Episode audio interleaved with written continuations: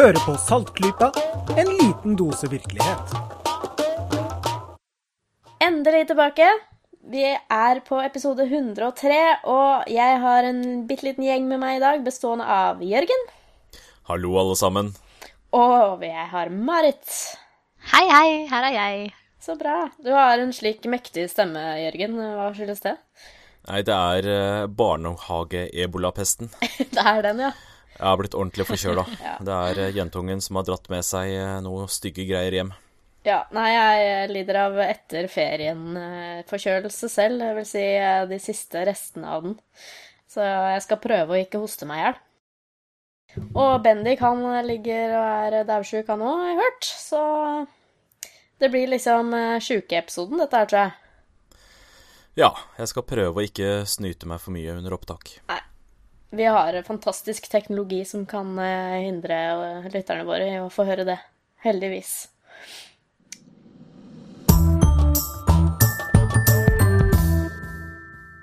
Men eh, hva har skjedd i sommer, da, folkens? Herregud, det er jo Vi kunne snakka om så mye. Det er så mye aktuelt Altså så mye Det er jo en evighet siden vi har snakket sammen, og jeg føler jo at verden har jo endra seg siden sist vi snakket. I hvert fall ja. siden sist jeg var med.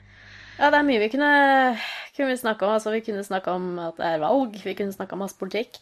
Vi kunne snakke om ja, den store flyktningkatastrofen som pågår nå. Det er helt forferdelig. Men ja, jeg vet ikke, da måtte vi på en måte finne en skeptikervinkel, da.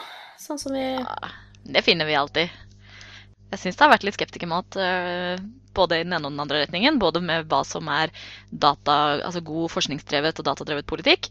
Uh, men kanskje også spesielt uh, en av våre skeptikerhelter, Hans Rosling, som jo deltok på et dansk nyhetsprogram og bare skolerte dem om hvordan tilstanden i verden faktisk er. Det var deilig. Det var veldig deilig. han snakket jo annet om at det er så mange som tror at uh, uh, mange av flyktningene er migranter. De kommer for å liksom flykte fra elendighet, fattigdom, manglende skolegang og sånn. Uh, og så ramset han opp en hel del statistikker om, om, at det faktisk går ganske mye bedre med verden. Ja, det er fortsatt problemer der ute, men, men det er mye bedre enn det man gjerne har i hodet sitt av bilder av hvordan Afrika f.eks. står til. Ja, han er, han er, veldig flink til å ta dette her med å vise antall i forhold til hverandre. Det er jo helt fantastisk. Han har noen sånne utrolig gode foredrag, blant annet hvor han viser befolkningsøkningen, hvordan den vil, etter hvert vil stabilisere seg, og så videre og så videre. Og han, han, hadde jo noen utrolig bra ting han viste frem også i forbindelse med dette her eh, flyktningene fra Syria og der omkring, da. Ja, da brukte han Jeg så ett, jeg har sett faktisk opptil flere. Et hvor ja. han bare hadde noen klosser, og så har jeg sett ett med noen andre klosser. Og så har jeg sett et, et klipp med epler, hvor han hadde delt epler. Da var det liksom åtte epler, og så var det bare et kvart eple som var på vei inn i Europa. Ja. Det blir veldig fint og tydelig altså, når han viser ja. det på den måten. Mm. Jeg var faktisk på en konferanse med han en gang eh, hvor eh, han, eh, altså en av rekvisittene som han pleier å bruke når han skal bevise, eller vise hvordan eh, befolkningsveksten holder på å stoppe opp, at vi kommer bare til å nå 9 milliarder, og så blir det ikke så veldig mye mer her på kloden, sannsynligvis, hvis ikke ting endrer seg veldig, så bruker han jo eh, en veldig allestedsnærværende kloss som er lett å stable, og som han alltid bare kan be om når han kommer, eh, så han slipper å ha den med seg i kofferten, og det er doruller. Det er doruller, ja. Stemmer det. Eh, men det som var problemet den gangen, var at vi var på sånn konferansehotell. Eh, så når han spurte de hei, har dere åtte doruller, så sa de hæ? Nei, vi har jo ikke det. Vi har sånne enorme monstrositeter. Ja. sånne halvmeterstore ruller. Det gikk jo ikke. Det gikk jo ikke. Og, og, inne på hotellrommene så hadde de også vel sånne flak eller en eller annen sånn Ja, med, med sånn uh, tapp som stikker ut og sånn, så de var ikke stablebare. Ja. Så det var faktisk noen som kjørte på skjell og kjøpte doruller til ham.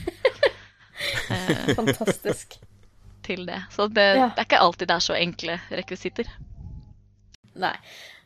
Vi, vi, vi, har jo sikkert de fleste lytterne våre også har fått med seg den uh, lille smackdownen fra Hans Rosling i dansk media. Og det er få som klarer å si 'du har feil og jeg har rett' så bra som han. Altså sånn.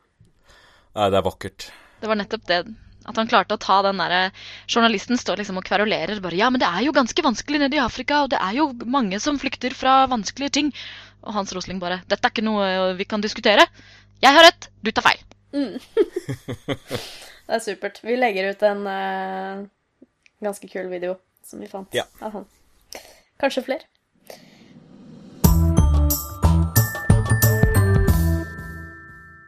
Vi har også hørt i sommer at uh, litt lenger utaskjærs uh, så har uh, James Randy sin organisasjon, JREF, endret litt fokus. Fordi, som kanskje mange har fått med seg, så er jo sjefen sjøl, James Randy, han skal jo ha bestemt seg for å endelig faktisk da pensjonere seg. Ja, Det her ble jo varsla tidligere år. Vi har snakka om det på Saltklypa før. Ja. Og prøvd å diskutere hva skjer nå. Eh, hvem skal de sette inn som ny sjef? Og vi har diskutert om det kunne være eh, Bill Nye, Science Guy f.eks. Har vært en fantastisk person. Det hadde unektelig vært morsomt. Men det ser nå ut til at de eh, velger en helt annen måte å takle det på, og rett og slett si at nei, uten den frontfiguren så endrer vi virksomheten fullstendig. Så det de faktisk eh, gjør, da, er å gå for å være en, en ren stiftelse, eh, som fortsetter da å dele ut eh, de pengene de har og får inn, eh, til da Altså de de selv bestemmer da skal få det som er litt interessant her, er jo nettopp det at de vil ikke ha søknader. Altså Før så var jo JRF en sånn forening, og du kunne alltid henvende deg til de for hjelp. De var jo mm. en educational foundation, de hadde skoleopplegg. Han, uh, James Randy selv drev jo alltid med masse turneer. ikke sant? Elsket å turnere og holde foredrag. Han har vært i Australia, han har vært i Europa. Uh, og ikke minst så arrangerte de også da uh, TAM, The Amazing Meeting, hvert eneste år. Og nå som han er blitt uh, eh, 85, og, og, han har jo snakket lenge om at han pensjonerer seg, men han, nå har han da omsider faktisk gjort det. Ja. Man ser jo da liksom at de pakker ned aktivitetene. Det, vi er ikke sikre på om det kommer til å bli noe amazing meeting igjen. Eh, og uh, educational Altså de ansatte har jo liksom sakte, men sikkert blitt lukket ned. Eller kontorene deres, de regionale kontorene har blitt lukket ned, og de ansatte har blitt sluppet fri. Mm. Og nå er det liksom bare pengesekken igjen, da, og et lite styre. Eh, ja, og det som de også sier, at de vil jo faktisk ikke motta donasjoner lenger. Så vidt jeg leser i den teksten. Og så vil de ikke eh, De vil jo selvfølgelig altså En av hovedfunksjonene til JRF har jo vært å ha The Million Dollar Challenge, som er denne utfordringen eh, hvor, kan, hvor vi skeptikere kan slenge ut Ha! Tror du virkelig at du kan dette her? Så, så gå og søk, oppsøk den millionen som James Randy har utlovet til de som klarer å bevise at de kan gjøre noe naturlig. Og de har mm. sagt at de skal fortsette med å drifte den, eh, det tilbudet, altså den challengen den utfordringen. Men den kommer jo ikke til å være like åpen som det den har vært før. For før så har de jo faktisk brukt ganske betydelige ressurser på å møte folk, eh, hjelpe dem med å utarbeide protokoller. Det har vært eh, Kreti og Pleti som har søkt på det der, og der altså, og det har vært en kjemperessurskrevende jobb for dem. Og det er jo eh, heders, altså det er jo hederlig å gjøre det sånn, for det, de viser jo virkelig at vi er åpne, vi, er, vi tar imot alle tilbud vi mm. eh, Eller alle påstander som folk kommer med, og vurderer de alvorlig. Men eh, jeg, altså, de har jo lagt ut en del YouTube-videoer og sånn av arbeidet sitt. Jeg husker jeg så på en en gang, og det var liksom en dame som påsto hun kunne få folk til å måtte tisse innen 20 minutter. Og det var liksom 20 minutter av de som sto på kontoret på JRF. Og de har jo gjort måneder med forarbeid av det her, for de har jo sendt mailer og avtalt under hvilke kriterier hun kunne gjøre dette, og under liksom hvilke forutsetninger og, og sånne ting. Og det endte jo med bare at etter at disse menneskene hadde stått sammen i samme rom i 20 minutter, så skjedde ingenting, og så måtte hun takke for seg og dra hjem. Ja. Og når man får sånne henvendelser som det der, så, og i ganske stort altså Har du en million dollar på bok, så begynner det å tiltrekke deg litt eh, fluer som sirkler rundt og er interesserte. Det gjør det. Så nå blir det da vanskeligere å søke på den. Du må liksom ha bevist noen form for chops, eh, enten medieoppslag eller at en eller annen uavhengig forening har testa deg litt i utgangspunktet. Mm. Så det kan jo være effektivt, det, da. Du må egentlig ha kommet lenger enn noen hittil som har blitt testa av JRF før, da. Har kommet. ja, du må liksom få gjort en sånn preliminary test uh, yeah. på et eller annet vis først. For det er jo et berømt faktum at i JRF uh, sin historie med slik testing, så har jo ennå ingen klart pre preliminary-testen, altså den innledende testerunden. Uh, som, da, som, da, gjør at du går videre for det å få millionen, da, hvis du tester det enda mer vitenskapelig. Men det ser jo ut som at det er en ganske betydelig pengesum da, som skal deles ut hvert år. I størrelsesorden 100 000 dollar. Så Ja, JRF kommer jo til å sette sitt merke på bevegelsen i mange mange år fremover. Mm. Eh, De regner vel med å dele ut penger i hvert fall ti år til, så dette blir veldig spennende å se hvem de liksom velger. Det blir litt sånn Man skal Ja. ikke kunne nominere, man skal ikke kunne sende inn søknad. Så det blir jo på en måte de som utmerker seg. Det blir veldig spennende å se hvem som får den påskjønnelsen. Jeg vedder en femmer på Skeptics Guide, eh, New England Skeptical Society første året. Eh, kan godt være. Jeg tenkte bare jeg skulle føye inn én ting, fordi eh, i løpet av sommeren så har vi fått ganske mange nye liker-klikk på Facebook-sida vår. Og det kan bety at vi har fått en god del nye lyttere. Det er ikke sikkert alle de er så godt kjent med hva JREF egentlig er. Eh, Så bare fort nevne at det er en av de grunnleggende skeptikerorganisasjonene som virkelig har dratt i gang det store internasjonale skeptikermiljøet. Så de er veldig, veldig viktige. Særlig James Randy. Ja. Men nå lever jo miljøet godt på egen hånd uten JRF også, så dette her plager meg egentlig veldig lite, selv om det skulle vise seg at de bare forsvinner inn i skyggen. Ja. Nei, men det, dette er jo altså På mange måter, uansett hva du syns om JRF, så er det jo en Altså, det er slutten på en æra, da. Det er det. Det er det virkelig, og han var jo en av de som, som virkelig definerte skeptisismen som sådan. Eh, som separat fra liksom humanismen og, og fritenkerne og sånne ting. Det var liksom han som Ja. satte den i fokus, og som var helt Og så, så, som dro det ned fra vitenskapen også, og ned i liksom Ja, og som Ja. var helt uapologetisk om hvem han angrep og hvorfor han angrep de. Ja. Og, og nektet å bøye seg for uh, saksøkinger og den slags. Uh, han fortsatte å kritisere de som fortjente å bli kritisert.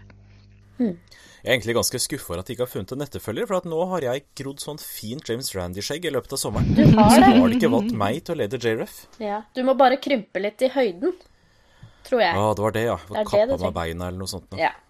For, så for å si det som eh, George Robb, en annen eh, kul amerikansk skeptiker, eh, James Randy, hvis du har sett han i virkeligheten, så er han jo på størrelse med en liten sjakkbrikke, omtrent. Han er jo knøttliten. Jeg syns det er så bra sagt, for han er veldig liten. Ja. Veldig liten og søt.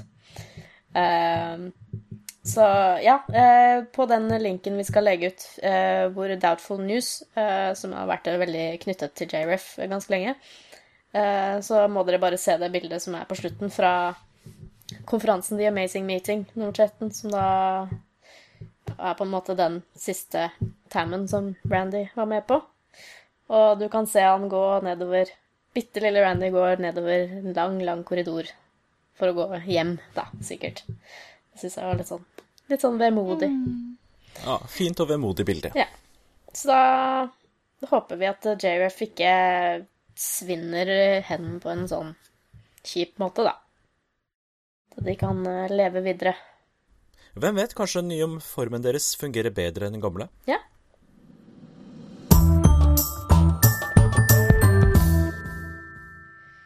Yes, um, jeg må bare si eh, For på, på sånne skeptikerkonferanser, da eh, vi, vi har jo vært på eh, vår andel av de, har vi ikke det? ja. -hmm. da. Eh, på, på noen av dem så har jo, så har jo blant annet noen skeptikere hatt, tatt sånne overdoser av homopatpiller, vet du. Som det har en jeg sånn også liten sånn aktivistisk greie med å Ja, ikke sant? Og du har gjort det? Hatt overdose av ja, Ja. Alle skeptikere med respekt for seg selv har tatt overdose av empatisk medisin for å på en måte skape litt oppmerksomhet da, blant folk flest om at eh, dette faktisk ikke har noe virksomt stoff i seg i det hele tatt. Eh, men som en sånn liten sånn ironisk eh, liten apropos til det, så leser vi i Aftenposten at homopater har også hatt konferanser, og der skjedde nesten det aller helt motsatte. Ja. Ja. Fordi det er homopatene, vet du. De hadde en konferanse i Tyskland. Uh, og der Det er jo nesten Det er farlig å le av dette, for det gikk jo ikke bra. Altså, plutselig Nei. så viste det seg at man, mange deltakere hadde fått i seg et uh, sånn skikkelig rusmiddel. Sånn hallusinasjonsmiddel, da. Hallusinogen. Hallusinogen. Takk. Jeg, ved, jeg venta på at hun skulle rette på meg. Det var altså rundt 30 av deltakerne på denne konferansen her som For meg som eh, Jeg vet ikke hvordan det hadde skjedd, jeg, men de drev og rulla rundt, og noen fikk kramper, og til og med noen som ble hysteri. alvorlig skada. Ja, Ja. Noen som får en, en hel gjeng som har fått en ordentlig dose med hallusinogen og ikke takla det. Nei. Politiet, står det, undersøker nå om rusmidler ble inntatt som et eksperiment, eller om det ble gitt til deltaker som en spøk. Og ingen er arrestert, osv. Uh, det er fortsatt uklart hvordan, hva som skjedde, og Hvor mange Facebook-innlegg havnet på deres vegg i dag eh, og i går med spørsmål om dere hadde vært på ferde? Jeg fikk denne postet på veggen min sånn tre-fire ganger med forskjellige Nei. folk som bare Å jaså, Marit, har du vært i Tyskland og sabotert? Ja, Nei, sant? jeg var ikke det. Hva har skeptikerne er gjort nå, liksom? De onde Altså, dette er en sånn liten sånn Det er jo ikke morsomt, men det er så ironisk når man tenker på dette her med at det helt motsatte skjer på skeptikerkonferanser, ja. Ja. Og så er det ganske morsomt nå nå vet vi faktisk på- ikke hva som har skjedd, eh, så det må vi ha litt i baktanken her. Det er jo faktisk mulig at det har vært noen og eh, gitt disse folka dette hallusinogenet uten at de har vært klar over det. Det er absolutt en mulighet. Ja. Ellers spekuleres det jo masse, da, og, og noen av disse spekulasjonene syns jo virker rimelige. At dette faktisk er helt bevisste eksperimenter. For vi kan ta en sånn grunnleggende om hva homopati er. Vi har jo dette her eh, for dem som eventuelt ikke kjenner det av våre lyttere. De har jo prinsippet om at likt kurerer likt. Og det kjente eksempelet er eh, malariamedisinen. Eh, Kinin. kinin, ja. Aha. Eh, og den, hvis du tar den kininen alene, så gir den symptomer som ligner på malariasymptomer. Og det var det han Hanemann bet seg merke i, og tenkte at aha, hvis du tar, får i deg et stoff som har samme symptomer som sykdommen, så kan det kurere sykdommen. Akkurat som kinin kan kurere malaria. Men det er ikke alt som skal til. For da hadde det jo ikke gått noe særlig bra. Nei. Nei, så man må fortynne det noe voldsomt, da. Men poenget er at først så må man finne ut Altså Hele den fortynningsgreia er bare tull, selvfølgelig, for alle som vet det. De fortynner jo til det stort sett ikke er noe som helst igjen av stoffet, og det har ikke noen virkning. Men øh, poenget er at først så må du vite hva slags reaksjon får man av dette stoffet. Og da har man det som på engelsk kalles proving. Man sier vel prøving på norsk, tror jeg. Man Muligens, rett og slett prøver ut stoffet. Og det vil ikke forundre meg om det er akkurat det som har foregått her, da. Det er mange andre som spekulerer i det. At de rett og slett har testa ut dette stoffet for å se hvilken effekt får det, Yes. og hva kan vi da bruke det mot eh, når vi tynner ut til ingenting. Jeg vil jo påstå at ut fra denne artikkelen her, så kan det f.eks. kurere kramper. Ja. For eksempel. Og kurere hallusinasjoner. Kurere forvirring Ja. Ja. Forvirring og hallusinasjoner. og frykt. Og, og kaos på konferanser, f.eks. Ja. Så eh, for det første eh, De kan jo ha stått, eh, stått over et Stått overfor et lite homopatisk gjennombrudd, faktisk, på denne konferansen. Om ikke annet. Ja, så hvem vet? Kanskje de faktisk har klart å få en kjempeeffekt av en uttynning? At det faktisk virker? Ja. Det som er litt det, men morsomt med det her òg, er jo at homeopatene hevder jo alltid at deres produkter har ikke bivirkning, nettopp fordi de har ingen fysiologisk effekt. Men det er jo Nei. sånn at noen ganger så finnes det jo spor av det originale preparatet i, altså i preparatene deres. da. Eh, fordi de kanskje har blitt produsert på en utilfredsstillende måte, eller da nettopp fordi den ikke har så sterk fortynning at eh, alt er visket ut. Det er jo det som er Prinsippet deres er jo liksom jo mer du tynner ut, jo sterkere blir det. Så folk kjøper jo stort sett sterkere doser. Eh, men i hvert fall, det er jo litt festlig at eh, de nettopp påstår at de ikke har noen bivirkning fordi de ikke har noen fysiologisk effekt. Men så må de jo faktisk finne den fysiologiske effekten først. Ja.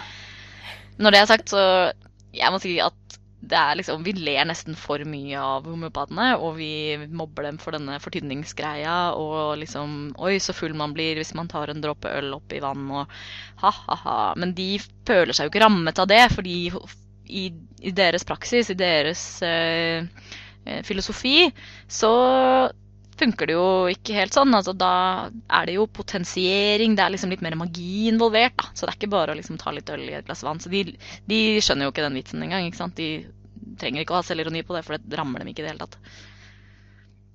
Mm.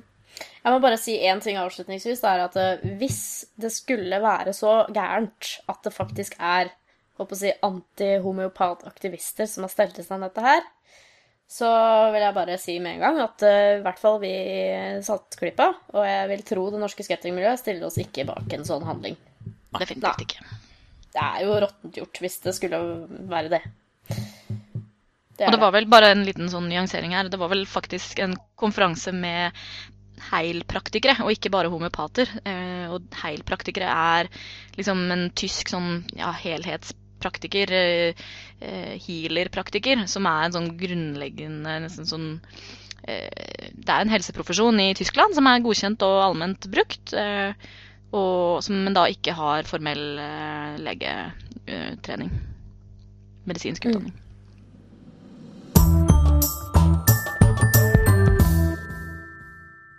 Vi tenkte vi skulle ta noe litt et par sånne ja, alternativmedisinsaker til som vi har funnet. Eh, først så er det en eh, sak i BT som vi har funnet hvor teksten er bak betalingsmur, som jeg har skjønt. Men det er en, en åpen videoreportasje der, da.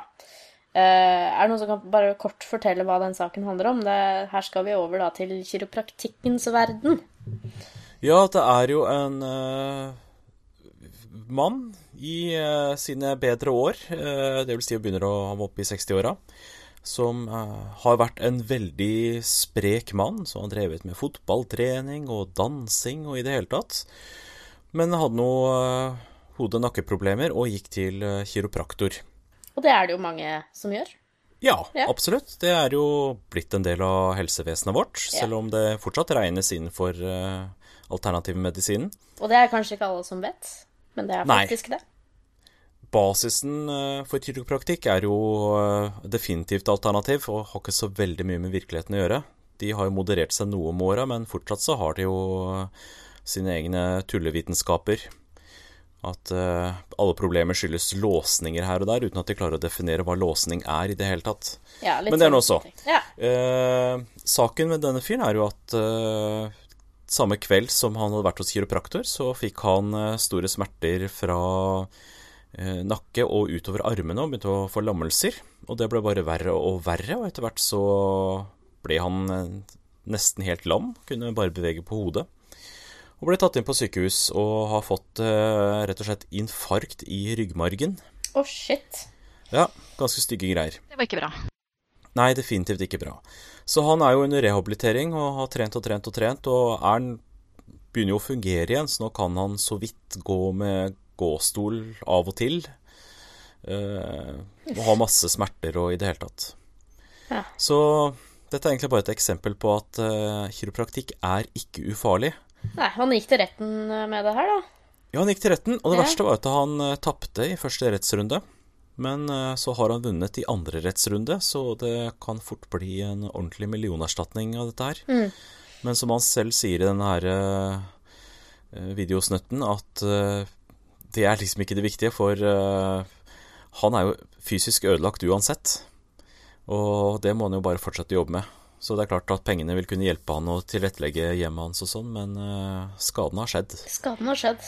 Men altså, faktisk så er det jo én ting som er godt med at eh, kiropraktikken er innlemmet i helsevesenet her, og det er jo at uh, han nå faktisk har krav uh, overfor mm. behandleren. Og det ville han jo ikke hatt hvis dette var en ordinær alternativ behandling.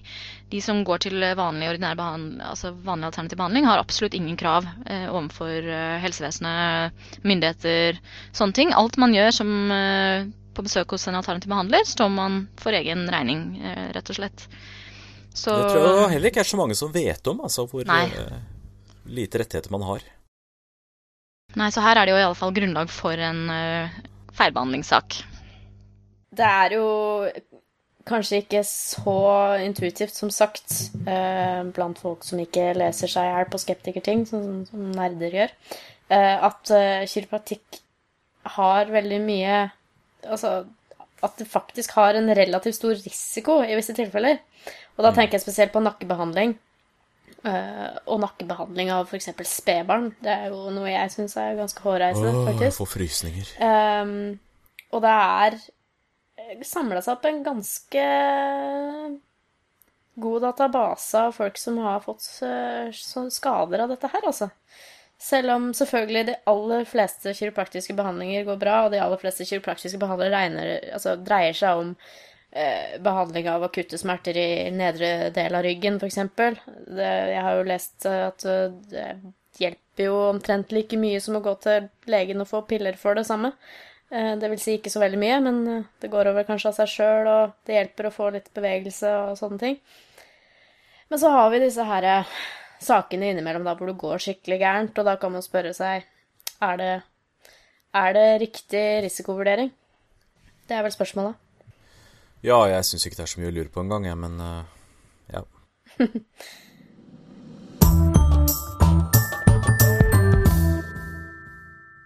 En annen ting som har kommet frem i siste, er jo noe som er eh, relevant for småbarnsforeldre. Fikk dere dette her i magasinet BAM da dere var nybakte foreldre, Jørgen? Ja, vi gjorde det, gitt. Ja. Det, jeg har lest eh, ganske mye det. Det står mye bra der. Gode tips for foreldre. Ja, det deles ut til alle nybakte foreldre, og eh, det har kommet frem da i et innlegg i Aftenposten av Kjersti Stuestøl. Hun er journalist og har barn selv. Og hun oppdaget at det sto noe eh, ganske problematisk, faktisk, i dette bladet. Og det handler seg om da alternativer til antibiotika. Eh, ja. ja. Og det er, det er, jo en artikkel i det bladet. Og da er det da eh, daglig leder for alternativ medisin på Røa, eh, Anne Karin Gjørts, eh, hevder da at eh, naturmedisin kan være fint å bruke på barn ved akutte infeksjoner i f.eks. hals, øre og øye. Barn mellom 0 og 1 år kan få både naturmedisin og homøopati. Ja, det er klart de kan det, men det bare er komplett uvirksomt. Ja. ja. Og det, jeg, åh, jeg stritter i meg. Altså, vi snakker om akutte komplikasjoner. Det er snakk om rett til lege nå. Mm. Uh, og så skal du da anbefale å først prøve ting som ikke virker. Uh. Ja, bruke dyrebar tid på det, det er ganske skremmende. Ja. Det er faktisk mulig for et spedbarn å dø av f.eks. ørebetennelse i ytterste konsekvens hvis det ikke ja. behandles. Og det har også skjedd. Uh, men eh, det, altså påstanden i denne artikkelen her, da, med intervjuet med hun uh, dama, det bare forstår De forstår helt uimotsagt. Og hun reagerer jo kraftig på dette her, da. Kjersti Stuestøl, som skriver innlegget, uh, snakker også litt om det som også tas opp, da, med det med, med antibiotikaresistens. Dette er, det er jo et ordentlig problem, og det Ja, ja vi må jo prøve å finne alternativer etter hvert. Men uh, om det da skal være naturmedisin og homopati, det vet jeg ikke helt, altså. I hvert fall med det bevisgrunnlaget som foreligger for dem. Og dette er da et blad som uh, deles ut til alle foreldre som uh, det er vel typisk sånn som ligger på venteværelset og ja. ligger rundt alle steder hvor barn ferdes. Altså barnekontor, barselavdeling, den slags. Ja, ikke sant? Du får det utlevert av helsesøster. Det er klart du tenker at ja, men dette her er sikkert noe som er bra, og de som skriver her, har peiling på dette. Så det har jo en viss sånn autoritativ faktor, dette her, da. Og det er det som er så skummelt med det. Det er det. Og det har jo kommet tilsvar eh, både fra den ene og den andre siden. Eh, redaktøren for BAM, var det ikke de som svarte? Jo, jeg har ikke lest alle tilsvarene, men det har jo vært eh, ganske god dag med økseskaft-svar, altså. Ja. Eh, det er altså da Ja, det er faktisk både hun Anne Karin Gjørts på Røa, eh, Alternativ Medisinsenter, eller hva det het, og redaktøren for dette bladet, da, som har prøvd hver for seg å, å forsvare seg mot kritikken. Som vår kjære venn Bjørnar Tuftin, som nå har kommet i dag med et tilsvar til dem igjen. Eh, som han eh, nevner, så er det Forsvaret ganske sånn Det er ikke særlig tilsvar, da. For de går jo faktisk ikke på det, den kritikken som fremstilles. Nei, så kort oppsummert så begynner ja. jo da eh, anklagen fra Kjersti Stustøl med at eh, ja, det er fint at en artikkel handler om at man skal eh, minske bruken av antibiotika, det er viktig, men ikke anbefale naturmedisin i stedet. ikke sant? Mm. Og det får bare stå. Det så dette er det hun kritiserer. Eh, så svarer da redaktøren for bladet at eh, det er viktig å eh, minske bruken av antibiotika. Ja. Og det er jo helt Ja, sant. Men det var ikke det som var problemet. Nei. Det var ikke problemet. De går på en måte ikke på sannhetsinnholdet i den påstanden, da. Nei. Og hun eh, Anne Karin Gjørt, som da er eh, fra Naturmedisinklinikken, hun eh, skriver at hennes kunnskap er tuftet på utdannelsen som sykepleier, og hun har sykdomslære, og dette er ikke et farlig helseråd. Men hun svarer jo ikke på altså den datapåstanden som, som Kjersti gjør. Eh, altså Kjersti kommer med en faktabasert påstand om at naturmedisin ikke kan dekke dette. Men hun Mm. sier at jo, dette er bare sånn det er. Dette er ikke et farlig helseråd. Men eh, det svarer jo heller ikke på noen ting. Så Gunnar Ja. påpeker Nei, unnskyld. eh, det var en refleks. eh, Gunnar påpeker. Det er en skeptiker som har svart noen. Det er Gunnar. ja. Der fikk Nei, du den, Gunnar. altså en som, eh, en som vi kjenner gjennom skeptikermiljøet, som heter Ja. Bjørnar Tuftin, som Ja. har gitt et godt svar på dette her. Hvor han da eh, forklarer hvorfor man ikke kan bruke naturmedisin eller homøopati mot infeksjoner, og at rådet faktisk er farlig. Og at eh, det svaret som eh, Mari Midtstigen gir om at, eh, at eh, det er viktig å bruke mindre antibiotika, er jo bare et helt feilslått svar. For det har ingenting med saken å gjøre om, om eh, at du dermed erstatter det med naturpreparater. Det kan du ikke gjøre. Så- Det jeg lurer på etter å ha lest dette her, er uh, de tilsvarende som er litt borti natta. Er det sånn med vilje? Altså, Skjønner de ikke problemstillingen? Eller har de med vilje valgt å gå rundt det og prøve å bare høres ut som de sier noe fornuftig, når de ikke gjør det? Kan være litt både òg, altså. Jeg tror nok at det er mange som ikke er helt vant med god debattskikk. At man ikke tenker nøyaktig hva er argumentet her? Hvordan besvarer jeg det, eh, den påstanden? Hvordan besvarer jeg det argumentet? Eh, Mens andre også ser liksom ikke Eller flytter på en måte problemet et nivå opp eller ned, og heller svarer på det. Ja, har, jeg tror du har eh, veldig veldig grovt inndelt to typer personer. Det, en type er, som, som du sier, de som kanskje ikke har satt seg inn i debatteknikk. Da. Altså, det gjaldt jo meg ganske lenge. Jeg tenker på hva som er et argument, og hvordan man bygger opp konklusjoner. Altså, alt dette her, det er jo egentlig et lite studie med seg sjøl. Men så har du også de som vet nøyaktig hvor lite vann det de sier, holder. Eh, og da må de jo prøve å flytte målstreken, som vi kaller det, f.eks. Eller eh, plukke litt kirsebær. Sånne fine uttrykk. Eller lage stråmenn? Lage stråmenn. Det er eh, mye man kan lære om. Ja. Og det er bare som en sånn selvkritisk øvelse, så kan man jo tenke på det hvis man f.eks. diskuterer politikk. At der er man oftere litt sånn eh, ideologisk drevet. og Da finner man oftere litt sånn svar som man er enig med i utgangspunktet og sånn. Det merker i Mm. alle fall jeg når jeg diskuterer politikk eller feminisme eller sånne ting. At det er ganske lett å lene seg på vante sannheter. Det er ikke, in, det er ikke alltid så Og da, altså, da argumenterer jeg også på den måten, har jeg tatt meg selv i. Eh, at jeg refererer til ting som egentlig er irrelevant, fordi at jeg har lyst til Ja. å flytte det over på et ideologisk plan og slutte Ja. å snakke om om den studien eller den studien har rett. En red Ja. herring, for eksempel. Men det er ikke Det er lett, altså. mange... Nei, det er, det er veldig lett. Jeg unngår debatter som jeg kan, jeg. Det kan jeg jo innrømme med en gang, faktisk. Jeg, jeg følger med på dem. det gjør jeg. Uh, prøver ikke å delta så veldig mye. Uansett syns jeg vi skal si heia til Kjersti Stustøl og heia til Bjørnar Tuftin for de to innleggene. Ja. Det er eh, ganske bra at de ikke fikk stå uimotsagt, disse påstandene. Og kanskje, forhåpentligvis, kanskje noen foreldre tar til seg noe av dette her, da. Prøver kanskje å finne ut hva homeopati egentlig er. Det hadde vært fint. Ja. Kan høre på Saltklypa, så finner man ut det.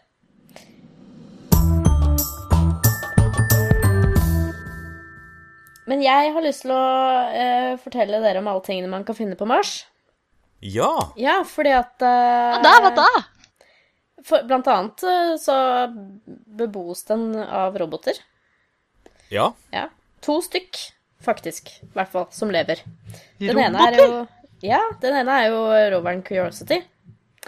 Den har rulla rundt en god stund nå, og den skal finne mye rart. Um, blant annet analysere kjemien i atmosfære og i sand og jordsmonnet der og sånn. Kanskje, de, kanskje den finner tegn til eh, tegn til det som tidligere kunne bidra til å ha skapt liv på Mars, f.eks. For, for mange, mange år siden. Så det er jo kjempespennende i seg selv. Eh, en liten eh, En liten konsekvens av denne her fantastiske utforskningen av Mars, da, i, og det at vi lever i en medieera, altså alt, masse, masse, masse, masse bilder som slippes ut i medier og blogger og analyseres i hjel. Eh, en konsekvens av dette her er at uh, det er jo ikke bare Curiosity som analyserer, det er jo alle gud og hvermann. Da finner man mye rart. Da kan man faktisk finne veldig mye rart. Altså, husker dere f.eks. det der berømte ansiktet på Mars Å ja. i, på 70-tallet? Det var jo liksom et av de ikoniske, grunnleggende fenomenene der. Eh, det er sikkert veldig mange som har sett det ansiktet på Mars. Eh, Det er eh, altså en fjellformasjon som er bare helt unmistakable på det gamle bildet. Så er det bare Det ser ut som en sånn skikkelig sånn fremmed ansikt med en sånn hodebekledning og noe greier. Umiskjennelig, sånn- mener du? Ja, litt, ja, litt sånn liksom seremonielt og mystisk. Det kanskje ikke alle har giddet å finne ut i ettertid, da, det skjønner jeg godt, man kan ikke følge med på alt i verden. Det er jo de nyere bildene som har kommet i ettertid, hvor det da ser ut som et fjell. Ja. Ja, og grunnen til det er at det har blitt bedre oppløsning, eh, rett og slett. Eh, eller da, som konspirasjonsteoretikerne vil si, NASA har gjort sitt beste for å dekke over det at det fins et ansikt på Mars. Ja, nettopp, ja. De har bomba det. Nuka det. Ja. Nei, altså man, eh, man kan lese her en sak eh, som er gjengitt i Dagbladet fra CNN, eh, at man har funnet øgler på Mars. Man har funnet havfruer, trafikklys, smultringer og en statue av Barack Obama. Alle disse her da er på planeten. Eh, det er jo ikke dårlig bare det, da. Men hva, hva, er det, hva er det dette her? Altså, nå, det Jeg er klar for å flytte, jeg. Ja. Det må jo være noe eh, rart som foregår bak i kulissene, som ikke vi vet om. For NASA nekter jo å si at det er en statue av Barack Obama, f.eks. De påstår at det ikke er det. Men så ser man da på et bilde av det Mars-landskapet, så ser man f.eks. en apelignende skikkelse, noe som ligner på en bitte liten Bigfoot, f.eks. Eller, eller eh, ja en, en eh, figur som ligner på en dame og alt Med sånt. Med blottede bryster. Med blottede bryster. Ikke Jeg så overskriften om den først, og ble veldig skuffa da jeg fikk se de såkalt blottede brystene, men det er nå så. Ja. Var det den som først ble kalt et ekorn, eller var det enda en annen, en, enda en annen uh, figur? Jeg tror jeg har lest noe om et ekorn også. ja, nei, men det, det tviler jeg ikke på. Uh, og noe som jeg har fått med meg i det siste, som er jo helt fantastisk, det er jo skjeen. En Ja. flyvende skje. Svevende skje. altså, skje. Ja, det er altså et bilde av bakken på Mars, og så ser man helt tydelig at det står ut en sånn lang, tynn eh, utstikker med en liten klump på enden, og det er jo ingen tvil om at det er en skje. En sånn skikkelig ordentlig sånn tynn tresleiv som man bruker til å røre med. Cappuccinoskje, Kristin. Ja, litt sånn eh, cappuccino-skje, kanskje. ja. Eller en litt større en. Litt sånn derre røre i saus-type. Det ser egentlig mest ut som den svever over bakken, helt fritt. Ja, det er veldig lite som holder den oppe, altså. Sånn som Jeg er jo mest fascinert av hvordan eh, Altså, det er jo vær på Mars. Det blåser ganske kraftig der noen ganger. eh, Og det er jo ganske heftig at den har klart å holde seg sånn. Det er Det er jo kult. sandstormer, rett og slett, som sliper ned terrenget. Så det er, jo, altså, det er jo fascinerende uansett. Men her dreier det seg altså om at folk ser ting. Ansikter, figurer. Eh, der hvor det egentlig bare er helt tilfeldige mønstre eller tilfeldige formasjoner i et landskap. Eh, og eh, i kritisk tenkning-verden så kaller vi dette for pareidoli. Altså, det har vi snakket om før, men det er greit å ha en liten oppfriskning. Ja. Eh, mennesker er altså gjennom millioner av år utvikla til å gjenkjenne mønstre. Spesielt f.eks. ansikter. Eh, og reagere på mønstre som Altså, det har jo blitt argumentert f.eks. at hvis man hadde noe å løpe fra for veldig, veldig, veldig lenge siden, når man eh, hadde rovdyr som jaktet på en så Eller fiendtlige nabostammer. eller fiendtlige nabostammer, så er det greit å kunne reagere ganske kjapt på noe man mistenker er noe skummelt. I stedet Ja. for å bare avfeie det som rasjonelt, som en sånn tilfeldig mønster. Fordi eh, da har man større sjanse for å faktisk eh, ikke bli utsatt for noe sånn skummelt. Ja. Ja. Det er bedre å stikke av først og oppdage at du tok feil, Yes. enn å regne med at det går bra uansett, og oppdage at oi, det var faktisk farlig. Ja, ikke sant. Og da er man eh, Da er den genpølen ferdig. Ja. Ja. Eh, Nå er det jo sånn at mens menneskeheten har utviklet seg, så har jo vår situasjon i dagliglivet blitt betraktelig tryggere. Vi lever lenge, og vi trenger ikke å bekymre oss for så veldig mye lenger, egentlig. Så, eh, men eh, denne her mønstergjenkjenningen, den har vi jo dratt med oss. Og det har jo da hatt som resultat at eh, det er mye irrasjonelle reaksjoner på ting. Alle gjør det. Alle, altså, det, altså Hvis man er skeptiker, så betyr ikke det at man er kurert fra å gjenkjenne ansikter og figurer. Der det er bare skyer, f.eks. Det gjelder absolutt alle. Men det er kanskje greit å vite litt, vite litt om det, da. Som f.eks. Ja. når man skal analysere bilder fra en annen planet. At det der kan faktisk veldig godt være to steiner som ligger veldig rart i forhold til hverandre. Ja. Ja. Så det er bra at avisene fra tid til annen kjører opp en sånn pareiodoli-artikkel som forklarer alle disse tingene. Ja, det beste er jo selvfølgelig de artiklene som faktisk har med et lite avsnitt om at det er hjernen som lurer deg. Ja. Ja. Så det var det. Litt par paradoli. Uh, og med det så tror jeg vi er igjennom våre nyhetssaker for i dag. Det var faktisk ikke småtteri.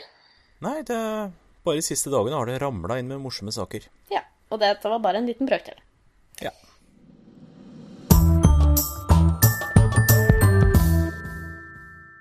Vi har snakka litt om barn her i dag, og jeg må innrømme at eh, i mitt fokus for tiden er veldig mye på barn, siden jeg har et selv. Jeg har nå en ganske fersk ettåring som Ikke verst, ikke har verst.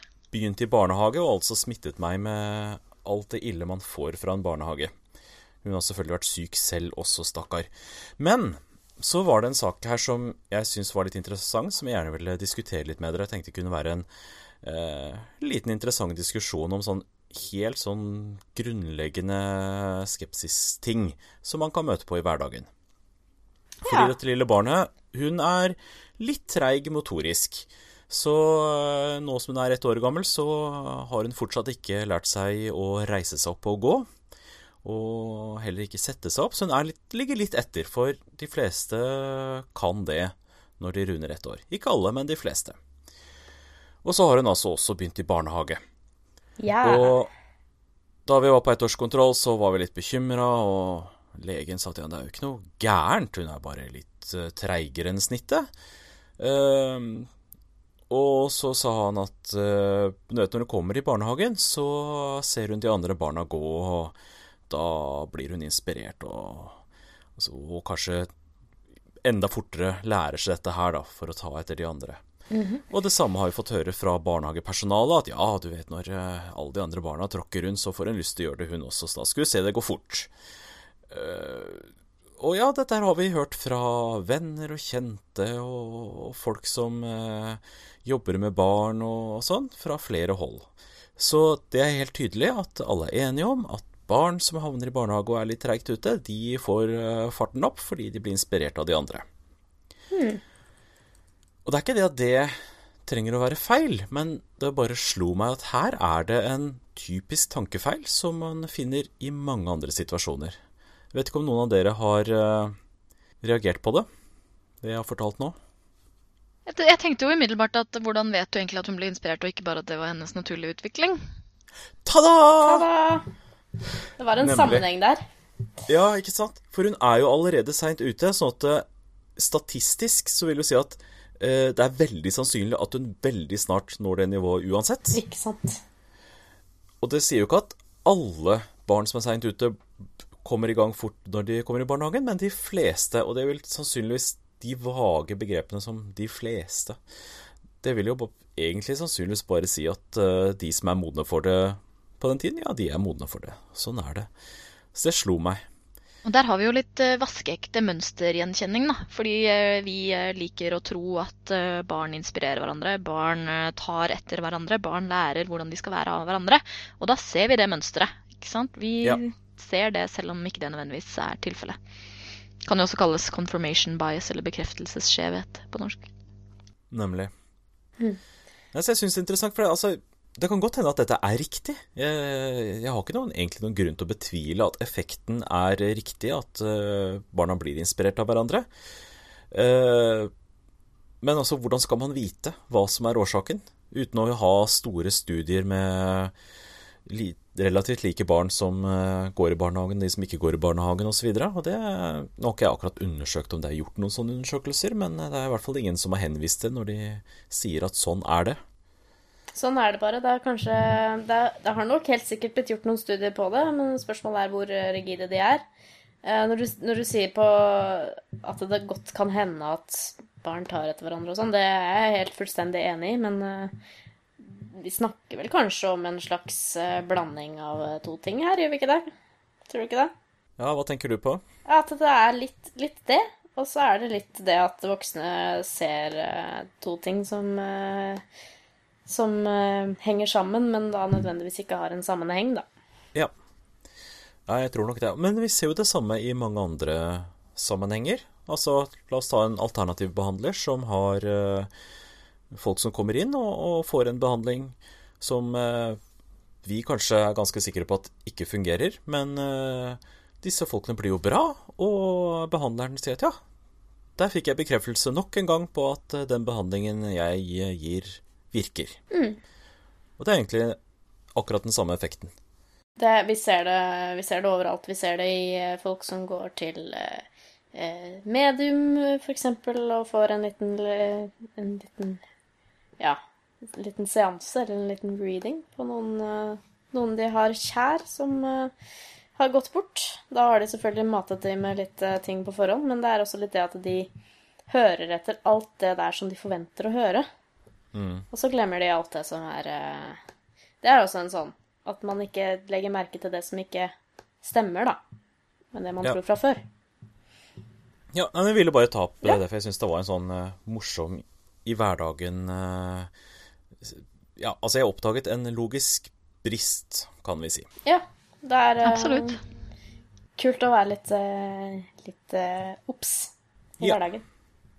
Da har man litt å komme med her på Saltklypa, altså. Ja. Ikke sant?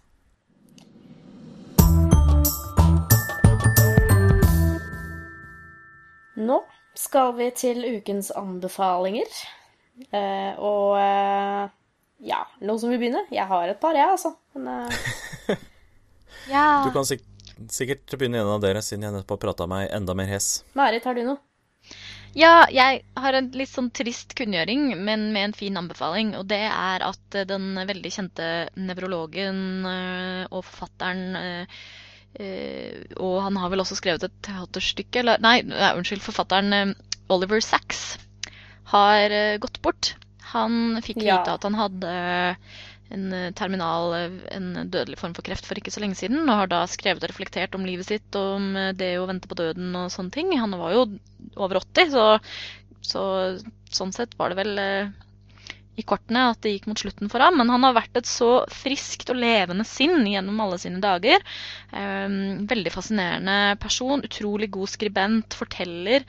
Eh, og har virkelig vært med å popularisere nevrologi, psykologi, eh, liksom abnorme, abnorme eh, psykiske tilstander. Han har f.eks. skrevet boken 'The Man Who Mistook His Wife for a Hat'. Og han har også skrevet boken som filmen 'Awakenings' ble basert på. Med Robin Williams, var det ikke det? Og Robert De Niro. Mm, stemmer. Ja, hvor de som et eksperiment gir eh, et preparat til en del eh, Hva er det de er for noe? De er i hvert fall blitt litt sånn avsondret fra verden, disse pasientene. Og så liksom våkner de opp, da, folk som man tenkte at var grønnsaker. Han har også deltatt på mange episoder av Radiolab, en veldig god podkast om vitenskap og litt store tanker om livet. Hvor han også forteller om utrolig mange fantastiske ting. Så mm. Bare, jeg vil bare anbefale å søke opp navnet hans. Kanskje lese gjennom et av essayene han har skrevet for The New Yorker eller New York Times i sine siste dager, eller tidligere, for den saks skyld. Eh, kanskje plukke opp en bok eller høre en podkastepisode. Veldig spennende person.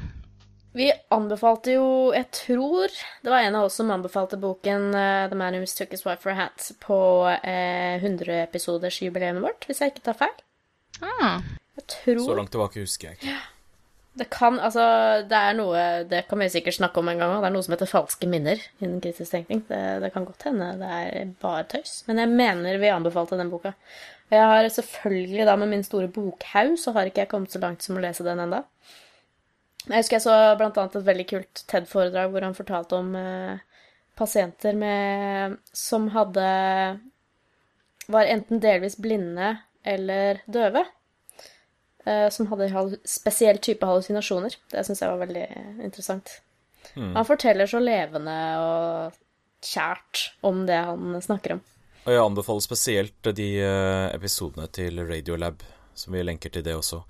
Ja. Uh, Oliver Sacks var et helt spesiell person, og de episodene er uh, veldig fine å høre på. Yes. Flere anbefalinger? Ja, ehm, egentlig en liten tullesak. Eh, det var i eh, nettavisa The New Yorker, så er det komikeren Andy Borowitz som har skrevet en eh, artikkel som heter Scientists, kolon, Earth endangered by new strain of fact-resistant humans. ja, det har vi holdt på en stund. uh, jeg tror veldig mange skeptikere vil nikke gjenkjenne og humre litt av den. Eh, ikke veldig dyp eh, eller noe sånt noe, men eh, jeg, ja, jeg tror mange vil like å lese Ja. den saken. Eh, på Jeg kan- den ja. ja. Ta din du, Kristin. Ja, ok. Da tar vi litt sånn annenhver gang. Nei, for jeg eh, eh, vil gjerne anbefale eh, et innlegg på skeptic.no, som jeg også prøver å skrive litt for innimellom. Der har eh, vår nye skribent, Karina Marie Rose, eh, eh, skrevet sitt første innlegg, og det er et veldig bra innlegg om problemstillingen i Norge om å vaksinere mot vannkopper eller ikke. Eh, skal ikke si så mye om den, men det er uh, veldig informativt og uh, kan kanskje skape litt diskusjon. Så det anbefaler jeg. Tankevekkende. Hmm. Ja. Eh, noe annet som er tankevekkende, som jeg tenkte å anbefale, det strekker seg over det ganske land. Det er masse arrangementer. Det er Forskningsdagene 16. til 27. september. Hvis du ikke har fått med deg det, så burde du jo gå inn og sjekke på kalenderen. Altså, det er jo så mye som skjer at det er litt overveldende å gå inn på den kalenderen, men bare ja, hold øynene åpne på Facebook og sånne ting. Det er utrolig mye morsomt som skjer. Eh, Og i tillegg, sånn i samme tråd, så er det også Humanistisk uke, som begynner 18.9. og fortsetter helt faktisk til 4. oktober. Det er da spredt over litt lengre tid, for det går eh, også flytter seg litt rundt i landet og sånn, da, hvor, hvor folk er. Da er det også masse arrangementer om rasjonalitet og kritisk tenkning og den slags, som man kan holde øynene oppe for. Ja, det er mye å velge mellom, og, og for å gjøre det enda litt verre, så vil jeg gjerne be de som er i Oslo-området i september, og få med seg skeptikere på puben. Det er den 19. Det er faktisk en lørdag, så det er lurt at folk får med seg at det er en lørdag. Men Det er ikke alle som kan på lørdager. Ja, det er Eh. kanskje, jeg, du verden. Ja, ikke sant? Eh, Den 19. september også, så eh, grunnen til at vi holder det akkurat den dagen, er at vi eh, får sjansen til å få med oss en spesiell gjest som eh, er i Norge. Eh, og så er det jo sånn da at jeg ikke kan si hvem dette er foreløpig. Grunnen til det er at vedkommende er på litt sånn eh, litt hemmelig oppdrag. Uh, men jeg kan jo si det sånn at når, når Altså dagen før så, så skal dere få vite hvem det er. I hvert fall. Men uh, det er en kul person. Det kan jeg si. Og det denne personen også driver med i Oslo uh, i forkant av dette, er også ekstremt kult. Huh. Kult! Det er det jeg kan si. Dette var veldig hemmelighetsfullt. Skeptikerrelevant. Ja, det er det. Hæ. Er det Elvis? Eh, det er Som sånn konspirasjonsrelevant. Har du ikke hørt at han si. har left the building? Nei, han har. Jeg har hørt det at det er Ja. Så det er iallfall det jeg har. Ja. Ja. Da har dere litt å pusle med. Jeg har en anbefaling til. Hvor har du Det det? er en dritkul podkast. Den heter Saltklypa. Så gøy! Det må jeg er sjekke ut. pussig du skulle si det, for da kan jeg jo også samtidig si at uh, måten vi lager dette her på, er at vi eh, kommer over eh, kule ting å ta opp. Saker vi kan snakke om. Og temaer vi kan uh, gruble over, og personer kanskje vi til og med kan snakke med. Og hvis ikke det hadde vært for våre kjære lyttere, at våre kjære lyttere tipser oss innimellom, så hadde det ikke blitt like mye Saltklypa. Så hvis dere vil at det skal bli, fortsette å være mye Saltklypa fremover, så syns jeg dere skal benytte dere av vår eminente Facebook-side eller vår eminente eh, e-postadresse, post at saltklypa.no, for eksempel. Twitter er vi på også. Og send oss tips og tilbakemeldinger og ris og ros. Det syns vi er veldig gøy. Ja. Vi syns det faktisk er veldig gøy, altså. Det er ikke Vi bare noe vi liker å skape engagements with our content. Det er ikke bare enveis, dette her. ja det, er- det er ikke alltid folk blir så blide når vi snakker engelsk når vi kan snakke norsk. Ja, men, men du skjerpe deg, Maren. men de funker ikke på norsk, de ordene. Liker det når folk engager with our content. Nå lever det du det høres farlig. litt sånn naughty ut når du sier det på den måten der. Ok. Så da, eh, igjen, send oss gjerne stoff. Så kommer det kanskje med på neste episode, eller en episode deretter. Linker til alt vi har snakket om, det ligger jo i sendingsnotatene våre. Da går dere inn på saltklypa.no, så finner dere alt der. Og med det så tror jeg at vi er ferdige for i dag. Ja. Okidoks. Da sier vi ha det. Ha det. Ha det bra. Ha Ha det det. Saltklypa lages av Kristin Lisha, Jørgen og Bendik. Har du spørsmål, anbefalinger, ris eller ros, send det til post at saltklypa.no, eller finn oss på Facebook. Lenker til alt vi har snakket om i episoden finner du på saltklypa.no, hvor du også kan abonnere på podkasten for å få hver episode levert på døra helt gratis. Takk til Smart 9000 fra Evig poesi som har laget kjenningsmelodien.